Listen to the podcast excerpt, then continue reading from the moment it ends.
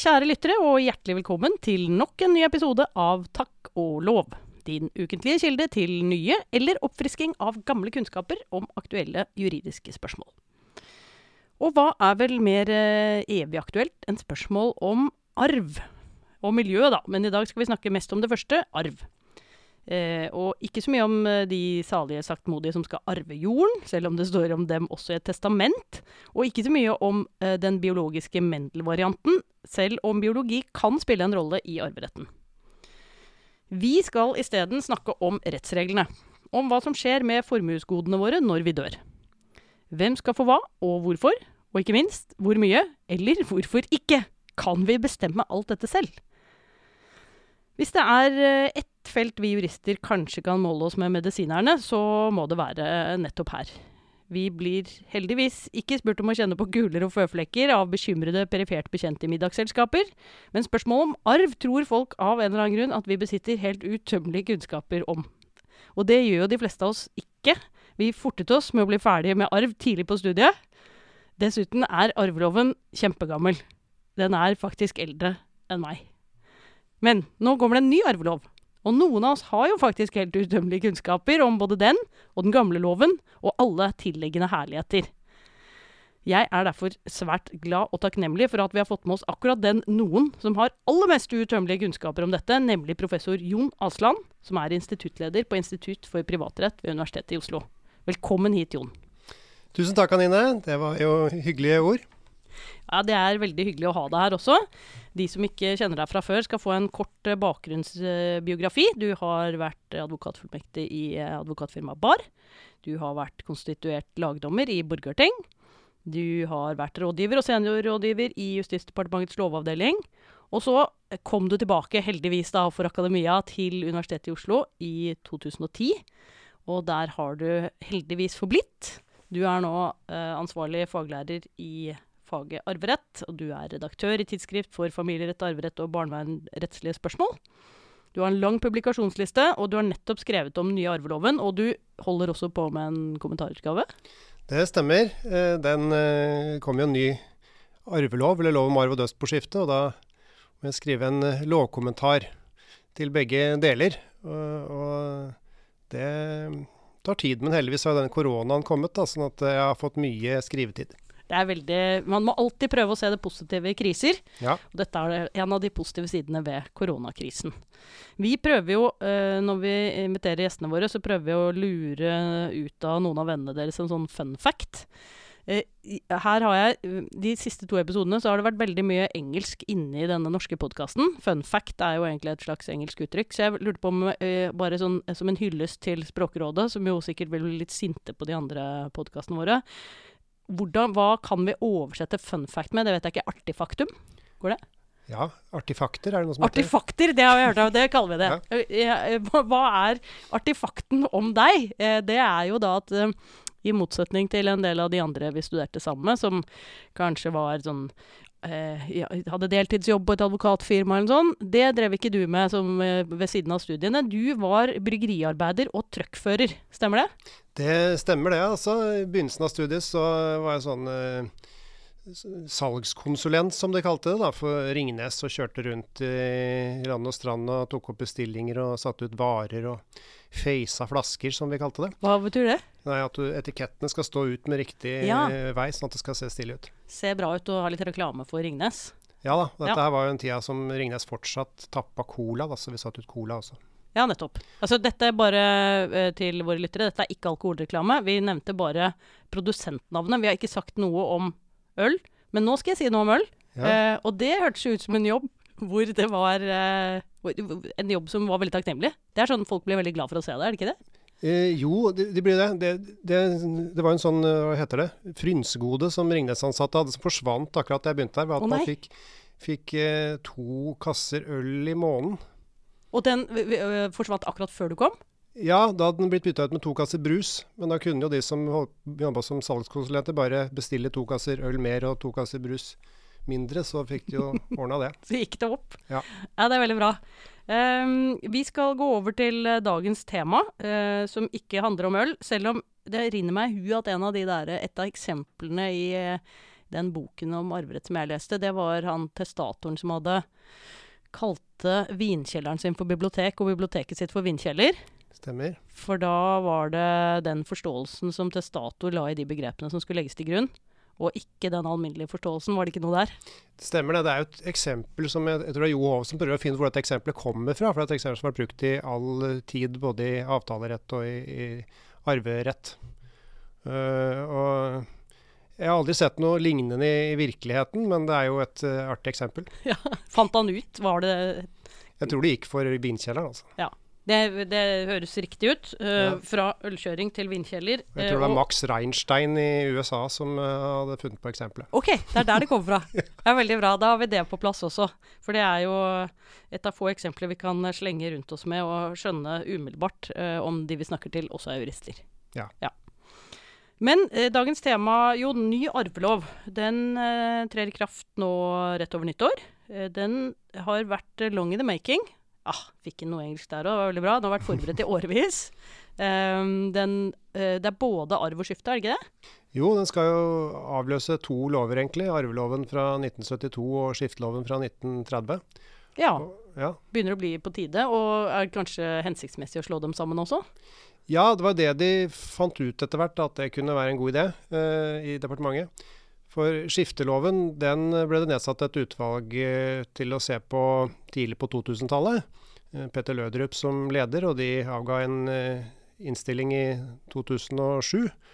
Så lå den og godgjorde seg i departementet noen år, og i mellomtiden så ble det nedsatt et arvelovutvalg i 2011 som avga sin innstilling i 2014.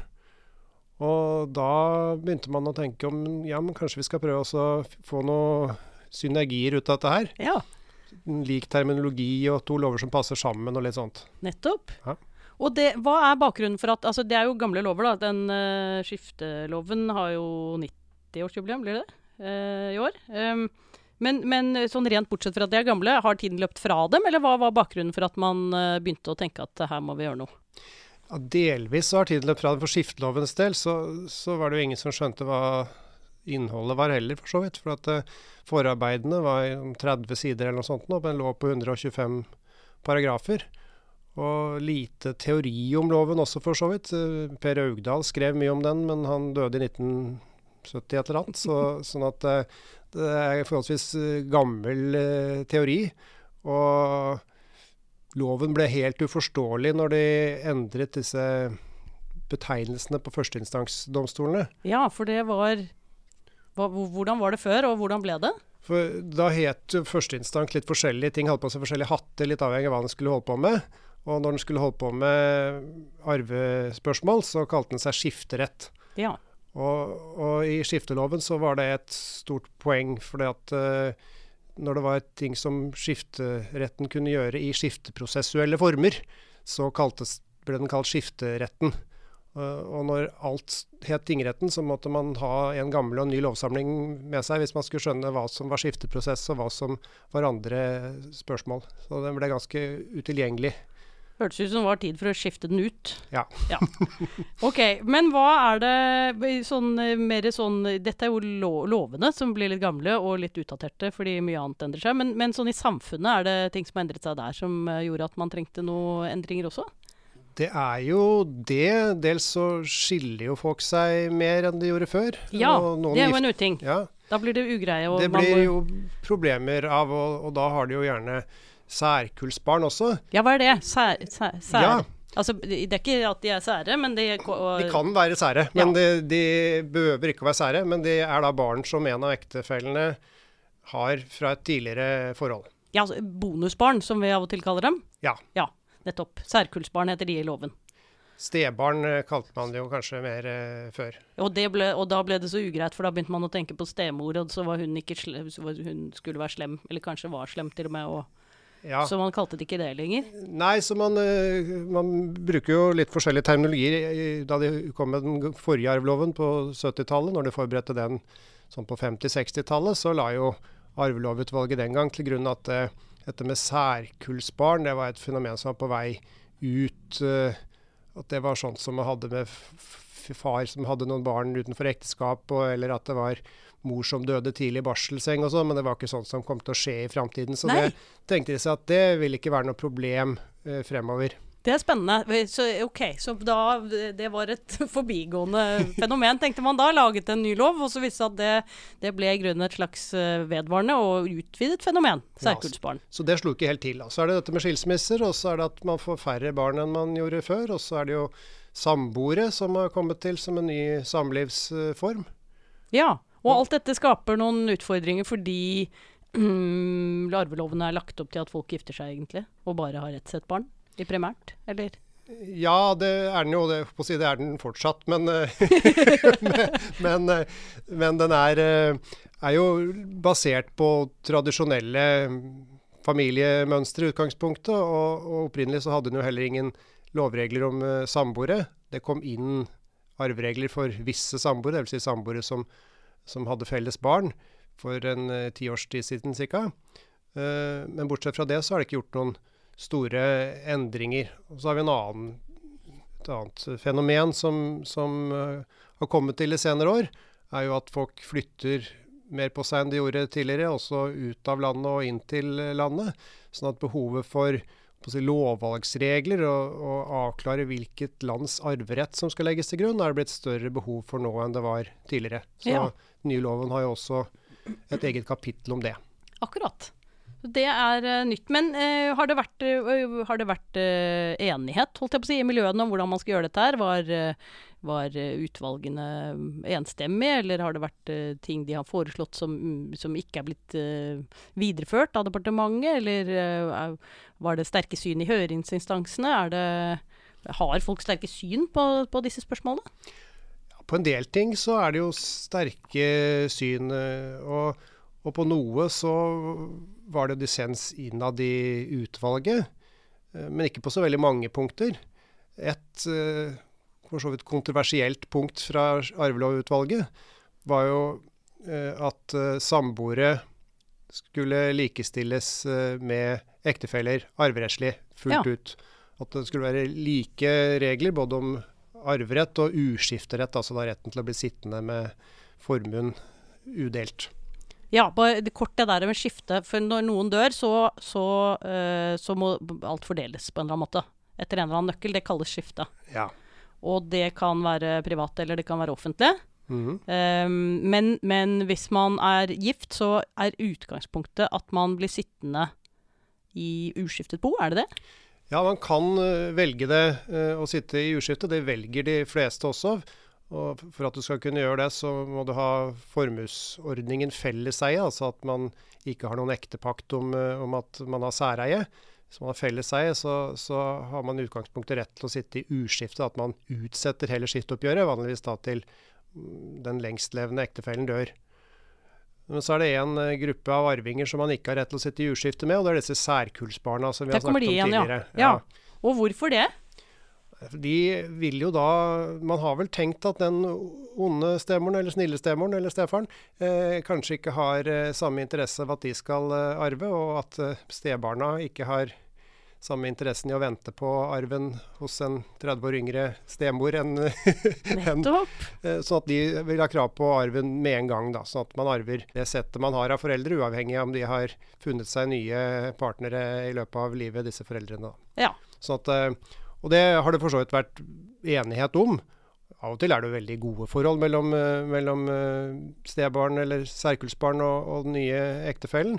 Og da er det ikke noe veien for at man samtykker i uskifte, så det er åpning for det. Og Da kan man også sette vilkår, da, hvis man tenker at ok, du skal få sitte i uskifte, men vi vil ikke at du skal selge barndomshjemmet, for det kan hende at vi har lyst til å overta når du dør. Mm. Så kan man sette et vilkår om det, f.eks. Ja, nettopp. Og dette videreføres? Dette videreføres i store trekk. Men det som ikke departementet hadde noen særlig sans for, da, og det var denne likestillingen av ektefeller og samboere. Nei, og hvorfor det? For det er sånn ikke helt intuitivt uh, klart for meg. For uh, samfunnet har gått fremover. Det er ikke akkurat sånn som det var før. I gamle dager giftet folk seg, det gjør de ikke i like stor grad lenger. Uh, hvorfor skal man ikke behandle samboere og ektefeller likt? Tanken der var, var for så vidt todelt. Det ene var at uh, en sånn, man kan kalle det, man skulle kunne velge forskjellige varianter. Og når man hadde valgt å ikke gifte seg, så, så var det et annet spor. At det skulle være en åpning for å kunne bo sammen uten å få de rettighetene og pliktene som ekteskapet utløser. Og øh, så var det et annet hensyn. Det var jo da det at ti år tidligere cirka, så var det innført en begrenset arverett og begrenset urskifterett. Altså en rett til å sitte i urskifte med, med felles bolig, fritidseiendom, bil og innbo. Ok, Så selv om du er bare, sam bare samboer, så, så, gjør du det? Nei, hvis du hadde barn og var samboer. Og hvis du har barn og er samboer, så ja, er det de felles ting? barn og samboer. Ja. Så kunne du da sitte i urskifte med disse eiendelene. Og i og med at det var såpass kort tid siden man hadde vurdert det, så ville man ikke ta et skritt videre.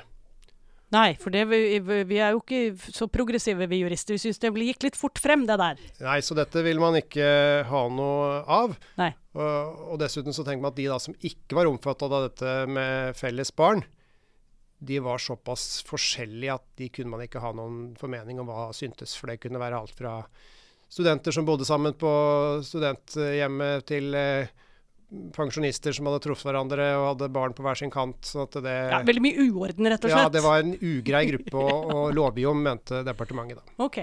Ja, ja jeg skjønner. Men, øh, men øh, hvilke utfordringer har det vært med å jobbe frem disse lovene her? Da? Er det Bortsett fra at man har litt ulikt syn på hvor seriøse folk er når de ikke gifter seg på ordentlig? Ja, altså det er jo dels det å skulle lovgi om samboere er jo vanskelig i seg, for man må jo kunne avgrense den gruppen på en eller annen måte som, som eh, lar seg etterprøve juridisk. Ja, eh, det Ordne opp i våre juridiske bokser, hvor ting ja, skal høre hjemme. Fordi sant, At man er gift i ektefelle kan være så mangt, men de har én ting til felles, og det er at de er gift, at det står registrert et sted at de er gift. De trenger jo for så vidt ikke å bo sammen og trenger ikke å like hverandre, men de, de må ha eh, dette papiret på at de er gift, at det står i folkeregisteret. Og da man, legger man det til grunn. Men for de som er samboere, da, så, så, er det jo ikke noen sånn formalisering av det. Og man har heller ikke valgt å, å gi det noen arverettslige konsekvenser om man da står registrert på samme folkeregisteradresse. Sånn at det å avgrense hvilke samboere som skal omfattes av ordningene, det er jo et problem akkurat for den typen av, av arvinger og arvelatere, da, for ja. å bruke den terminologien. Men eh, OK, bra. Vi får da ny lov. Eh, den er oppdatert, den passer bedre til samfunnsforholdene. Hva er de største nyhetene i den nye loven? Ja, der eh, hadde du jo noen tanker om hvordan du trodde det skulle være. Ja. Eh, og de stemmer jo ikke helt, for det er jo egentlig ikke noen særlig store endringer i de store linjene. Nei, man Så, har brukt 10-15 år på å komme frem til en ny lov eh, og erstatte noen veldig gamle lover, eh, og gjør egentlig ingenting. Er det sånn? Ja. Eh, nei, det er, det er, noen endringer. men det er når du, når du, tar de store linjene, så er det meste sånn som det har vært siden 1937. Det er betryggende. Altså ingen Dette er sånn forandre for å bevare. De lange linjers juss er dette her med arveretten. okay. Så her har man da forsøkt å gjøre noen litt større grep som har blitt avvist. Men ellers så har man beholdt hovedlinjen, altså hvem som er arvinger etter loven, hvor mye man kan testamentere over, hvor mye ektefellen skal ha. Og sånn at de, Hovedtrekkene er like. og Det var kanskje ikke så overraskende at de ble noenlunde like. Man kunne jo ikke, Det hadde vært kanskje oppsiktsvekkende om man fant på noen nye typer av slektninger som nå plutselig skulle ha arv igjen. At nå skal firmenninger og grandtanter uh, begynne å arve igjen. Uh, så, så, det har man ikke gjort. Men, men man har beholdt grunntrekkene. Men det har skjedd en hel del endringer på forenklinger som gjør at loven både er enklere å forstå, enklere å bruke. Og, og det er gjort mye på lovspråket, og det er også rydda opp i en del uklare regler som ligner litt på hverandre, men ikke er helt like. Ja. ja. Men er det noen endringer? Altså Bortsett fra sånn mer pedagogiske og kosmetiske? Eh, ja det er, det er, noen endringer på, hvis vi går på det vi kan kalle materielle arveretten. Altså hvor mye folk skal uh, ha og ha krav på og sånt. Så er det eh, endringer i, i, det vi kaller regler om avkortning i arv. Sånn som går ut på at hvis det er noen, hvis man har flere barn, og så har man gitt litt mer til noen av barna enn andre underveis mens man levde, så vil avkortning være den måten man kan da utligne de forskjellene ja. som har kommet. Så det blir likt? Ja, for at Ja. man har kanskje hjulpet et av barna med å kjøpe leilighet, og så rekker man ikke det før man dør. Og så er det da spørsmål om denne ulikheten skal utjevnes eller ikke. To av barna fikk full utdanning og, i utlandet, Ja. og den tredje skulle ikke ha utdanning. Og da hvorfor, hvordan skulle den få noe kompensasjon, på en måte?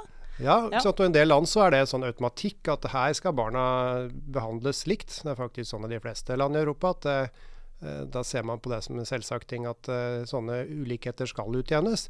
Men- det er, sånn, men det er, jo, er ikke det litt sånn rart på en måte at staten skal mene mye om det? Kan ikke folk få bestemme det selv?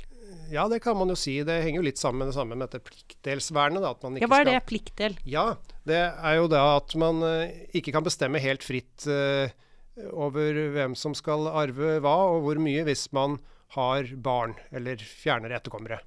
For da har barna krav på en viss andel av det du etterlater deg, som vi kaller pliktdel. Så det er for så vidt en begrensning for av arvelater eller testator hvor mye han eller hun kan testamentere bort.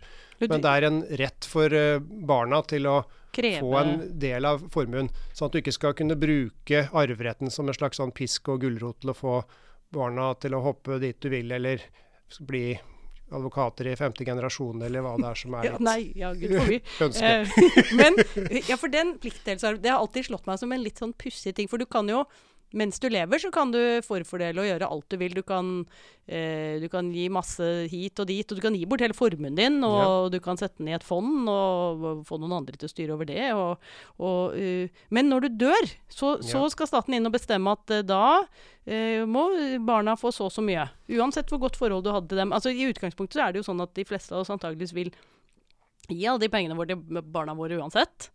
Men hvis du får sånn skikkelig dårlig forhold til barna dine, så sier staten ja, det er greit, men dere er familie, så de skal arve deg uansett. Ja, så, sånn er det jo en del andre land. Så er det også sånn at du kan ikke fritt forfordele mellom barna underveis. Men det, det har ikke vi hatt eh, noen eh, regel på, iallfall ikke de siste århundrene. Ikke sånn som i Donald, hvor du hvor Skrue truer med å gjøre Donald arveløs. Det kan Ja, Skrue kan jo for så vidt gjøre det i Norge også, for Fordi han han er er. Donald er ikke livsarving. Nei, nettopp. Han er ikke barnet til onkel Skrue. Det er jo ingen som har barn i Andeby. Nei, det er jo donaldismen. Det er jo bare nevøer og onkler og tanter og neser, er det ikke men det? bestemor Duck kunne jo ikke gjort det samme, men hun har jo kanskje ikke så mye å eh, etterlate seg. Det er en del oven, da, men Det er noen paiformer. ja. Det kan hende at det er han Guffen som arver hele greia. Ja, fordi hun har, hun er sånn. Samboer. ja, ja, gjennom mange år, faktisk. Ja. Veldig bra. Ok, men eh, pliktdelsarven, eh, den består. Den består, og den eh, var det jo også spørsmål om å redusere noe da Arvelovutvalget foreslo at den skulle reduseres fra en, eller fra to tredjedeler, som den er i dag, av det du etterlater deg. Ja, for nå er det sånn, uh, jeg har eh, 1000, og to tredjedeler av de, de må gå til barna, og så kan jeg fritt testamentere over resten. Men så er det i tillegg da en sånn begrensning, så hvis du er veldig rik, så betyr pliktdelen veldig lite, for å si det eh, enkelt. Ja. Sånn så I dag så er det sånn at hvis barna får én million kroner hver, så kan du testamentere bort resten. Så hvis okay. du har 100 millioner og tre barn, så kan barna få hver sin million, så kan du testamentere bort eh, 97 millioner, eller 97% av formuen. Ja, så jo rikere du er, jo mindre betyr pliktdelsarven. Så at det der det er mest å kjempe om for å oppnå foreldrenes gunst, så er det også mest å oppnå å si, for foreldrene med å kunne bruke arven som et pressmiddel. Så da egentlig undergraver man hele hensynet bak pliktdelsarven. Det funker ikke på de rike, men det funker ganske bra på de som har sånn ikke så mye. De funker det veldig bra på. Ja. Og hvis du har både en ektefelle og barn, og en formue som er på 1,2 millioner cirka eller mindre, så har du ikke testasjonsrett i det hele tatt. For da skal ektefellen ha sin minstearv på fire ganger grunnbeløpet, som er ca. 400 000. Og tar bare det litt saktere. Grunnbeløpet, hva er det igjen? Det er en sånn eh, størrelse som justeres på en eller annen måte? Som, Ja, det er noe som man bruker når man skal beregne eh, trygdeytelser. Ja. Og, og det justeres én gang i året. Og ett grunnbeløp det er, I dag så er det ca. akkurat 100 000. Eh, men det justeres med en tusenlapp eller to i året. Nå kjente jeg at det var lenge siden jeg studerte. Da tror jeg det var rundt mellom 30 og 40 000. Kan det stemme? Ja, Vi studerte vel omtrent eh, samtidig i første avdeling, Ja. og da var det noen og 30 000. Ja. Ja. Så nå, det, er, det sier jo litt om eh, økonomiske utviklingen i samfunnet. Men den har, det har stått eh, Den ektefellearven, den har vært knyttet til G? Den har vært knyttet til grunnbeløpet. Den kom inn, altså den minstearven som var knytta til grunnbeløpet, kom inn i loven i 1990. Ja. Så da fikk ektefellen en sånn minstearv, som man kaller det, på, på fire ganger grunnbeløpet. Som ektefellen skulle ha uansett om de andre fikk noe eller ikke. Så Ja. selv om det var barn der, så, og formuen eller dødsbo var veldig lite, så kunne ektefellen få alt. Og, og det har man også beholdt. Uh, men denne minstearven, da, sammen med pliktdelsarven, gjør jo at uh, for minstearven den er også beskytta mot at uh, ektefellen kan si at nei, du får ikke noe minstearv. Sånn at hvis man både har barn og ektefelle, Noen, noen har, noe ganske ja. mange har, Ja. så, så vil du ikke kunne testamentere bort noen verdens ting hvis du etterlater deg mindre enn ca. 1,2 millioner. Da. Nettopp. Men eh, pliktdelsarven, den ble ikke redusert? Eller ble den det? Eh, nei, den ble jo faktisk eh, ikke det. Og, og det eh, var jo kanskje litt overraskende, kan man si. Men ikke mer overraskende at eh, det er det som har hendt hver gang man har prøvd å gjøre noe med pliktdelsarven tidligere. Ok. Eh, det skjedde akkurat det samme da vi fikk arveloven i 1972.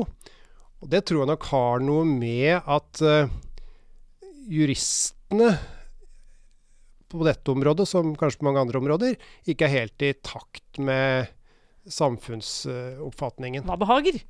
er, vi ikke det?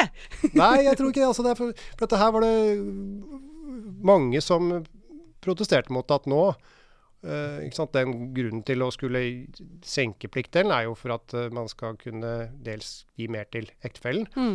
Og, og der var det mange som sier at nei, nå har nå ektefellen fått mer enn nok. Oi, Eh, vel. Så- er bra. Så det, det, det var det flere høringsinstanser som kommenterte, også i Stortinget. Så, så gikk man jo faktisk inn for å styrke pliktdelen. Ikke med at brøken ble satt høyere, men at denne millionen som eh, ethvert barn kunne få, og så var man ferdig med de, eh, den hadde stått stille siden 1985, og en million i 1985. Da kunne man kanskje få seg en eh, villa En på Vinderen. Ja, en millionvilla, som det het på den tiden. Og, og eh, i dag så får man jo ingenting for en million, i hvert fall ikke i sentrale østlandsområdet. Så, så en million, eh, den foreslo jo arvelovutvalget å øke da, i takt med konsumprisindeksen. Mm. At det skulle bli 40 ganger folketrygdens grunnbeløp, som da var eh, 4 millioner ca. ja. Men så i lovprosessen videre så ble dette prutet eh, ned gradvis. Først i departementet som sa at ja, men 40 G det er nå voldsomt. Eh, 25 eh, ganger grunnbeløpet, da, ca. 2,5 millioner. Det får nå rekke. Og så var det oppstandelse i stortingsbehandlingen. ja. For der Og- var det jo ikke så mange jurister. Der var det jo ordentlige politikere. Ja, Ja. Og, og ikke minst uh, mennesker som uh, ville gi sine innspill fra i aviser og på, fra Ja. podiet. Og, og da ble det da gått ned til eh, 15 ganger grunnbeløpet i justiskomiteens eh, innstilling som ble vedtatt. Så det er da økt fra 1 million til 1,5 millioner da, som hvert av barna har krav på, hvis formuen er så stor at det At det er noe til fordeling. Ja. Ja. Vi skal begynne å, å seile inn mot avrunding, men jeg må bare ta, for det er sånn praktikumsspørsmål. eh, det er én endring når det gjelder hvordan man skal lage testament. Det var så strengt før med at disse to vitnene som skulle undertegne, de måtte være til stede samtidig.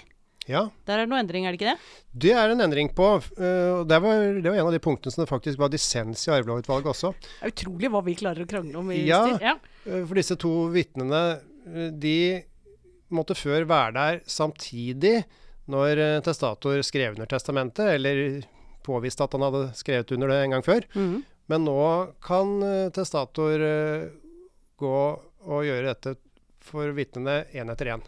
Det, er jo- at, ja. er jo helt revolusjonerende, rett og slett. Det er jo en stor uh, endring. Ja, det, det må jeg si.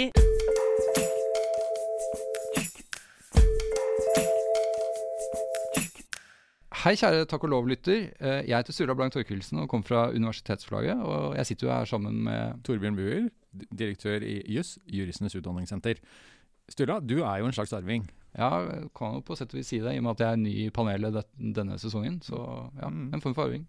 Og apropos arv, som er dagens tema. Det er jo ganske interessant at vi har fått en ny arvelov som skal ta opp i seg aktuelle sant, eh, ting som skjer i samfunnet i dag. Og så er den jo nesten helt klin lik den gamle. Ja, det er mye spennende som står der, men er jo litt, det er noen endringer som har kommet med. da. Så Ja, ja, du pirker nå som en typisk jurist. ja, det er viktig å få presisjonen inn. Ja, det er akkurat det. ja. Men apropos denne, da, så øh, vil jeg jo starte med å snakke litt om hva juss har å anbefale i dag. Og da vil vi jo gjerne anbefale dere å delta på et e-kurs om den nye arveloven. Der dere jo da møter eh, dagens gjest, Jon Asland. Vi har også e-kurset Det nye testamentet, som tar for seg problemstillingene da, naturlig nok, til testamenter, og det er ganske mange. Sist, men ikke minst, så har vi den årlige familie- og arverettsdagen 22. oktober. Ja, det er et høydepunkt. Det er et høydepunkt, og det går som hånd i hanske med dagens tema. Og der kan du delta fysisk, eller melde deg på livestreamen. Så det er ingenting som skal hindre deg, lytter, fra å være liksom up to date på den nye loven.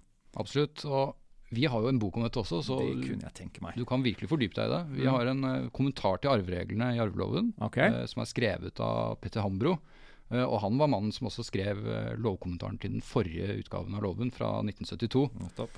Eh, og så må jeg jo nesten trekke frem, i universitetsforlaget så har vi tidsskriftet for arv, familie og barnerett. Og der er det Jon Asland som er redaktøren for tidsskriftet. Der kan du finne mange detaljer og mange spennende tidsskriftsartikler om temaet. Eh, og ikke minst sist så var det en eh, artikkel i Jussens Venner, et annet av våre tidsskrift, eh, som hadde temaet 'Virkningen av arverettslig ugyldighet', som var skrevet av Marianne Rødvei Aagaard. Mm. Mm.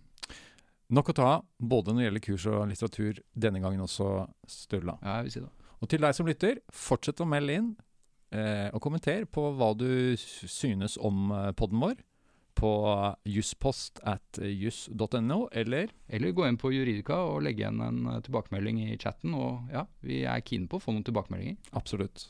Da lærer vi mer og blir bedre. Vi høres.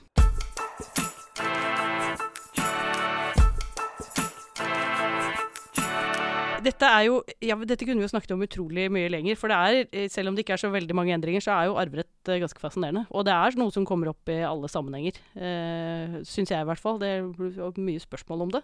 Eh, men vi har ikke mer tid, eh, så vi må seile inn mot eh, avrunding. Men eh, før vi runder helt, da, så pleier vi å invitere gjesten vår til å bli med i den lille spalten 'Har du hørt?' og dele en historie.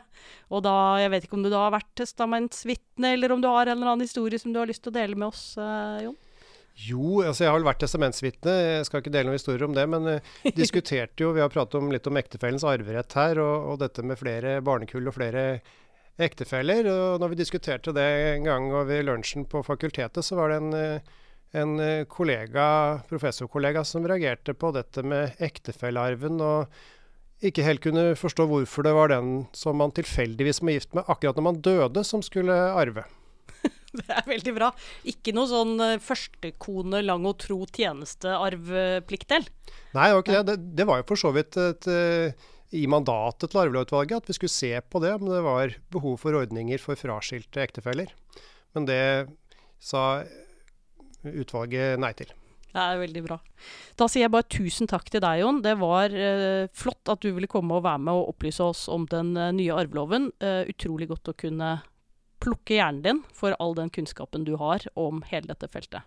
Takk for at jeg fikk komme. Det var hyggelig. Da, det er jo ikke så lett å vite hvordan man skal avrunde en sånn episode som dette er, men vi kan jo se om vi har et eh, testament vi kan eh, undertegne i eh, produsentens nærvær. Ja, det kan hende at det blir litt for få vitner hvis det er et fellestestament mellom oss. Ja, da får vi kalle inn noen flere fra produksjonsselskapet. Uansett, veldig bra. Vi skal runde av, og til dere lyttere må vi bare si tusen takk for at dere holdt ut med oss, eh, til tross for at dere ikke hadde noen pliktdels forpliktelse til å gjøre det. Og vi ønsker dere velkommen tilbake i neste uke til nok en episode av Takk og lov.